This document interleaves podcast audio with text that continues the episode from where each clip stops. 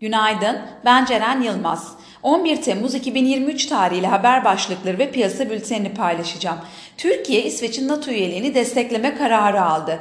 Cumhurbaşkanı Erdoğan, ABD Başkanı Biden ile görüşecek. Fed yetkilileri daha fazla faiz artışına ihtiyaç duyulduğunu vurguladı. Fed'e göre ABD bankacılık sistemi sağlam ancak sermaye yükümlülüklerini artıracak bazı düzenlemelere ihtiyaç var. Çin'de konut şirketlerine verilen kredilerin vadelerinin bir yıl uzatılmasının önü açılırken daha fazla destek önlemi bekleniyor. Cari açık verisi açıklanacak.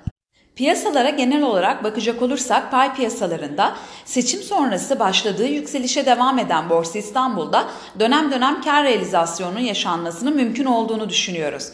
Bununla beraber kademeli normalleşme döneminde bir süre daha devam edecek negatif reel faiz politikasının kısa vadede Borsa İstanbul'u destekleyici olmaya devam edeceğini düşünüyoruz.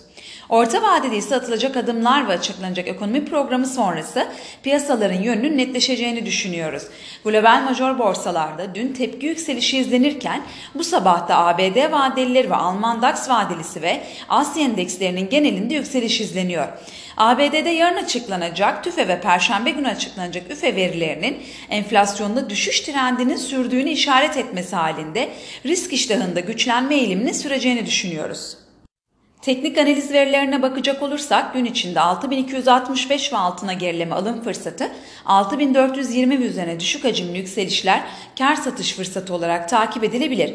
Viyop tarafında ise gün içi long pozisyonlar için 7180, short pozisyonlar için ise 7320 zarar kes seviyesi olarak izlenebilir. Borsa İstanbul'un ve endeks kontratının güne pozitif eğilimle başlamasını bekliyoruz. Kazançlı günler dileriz.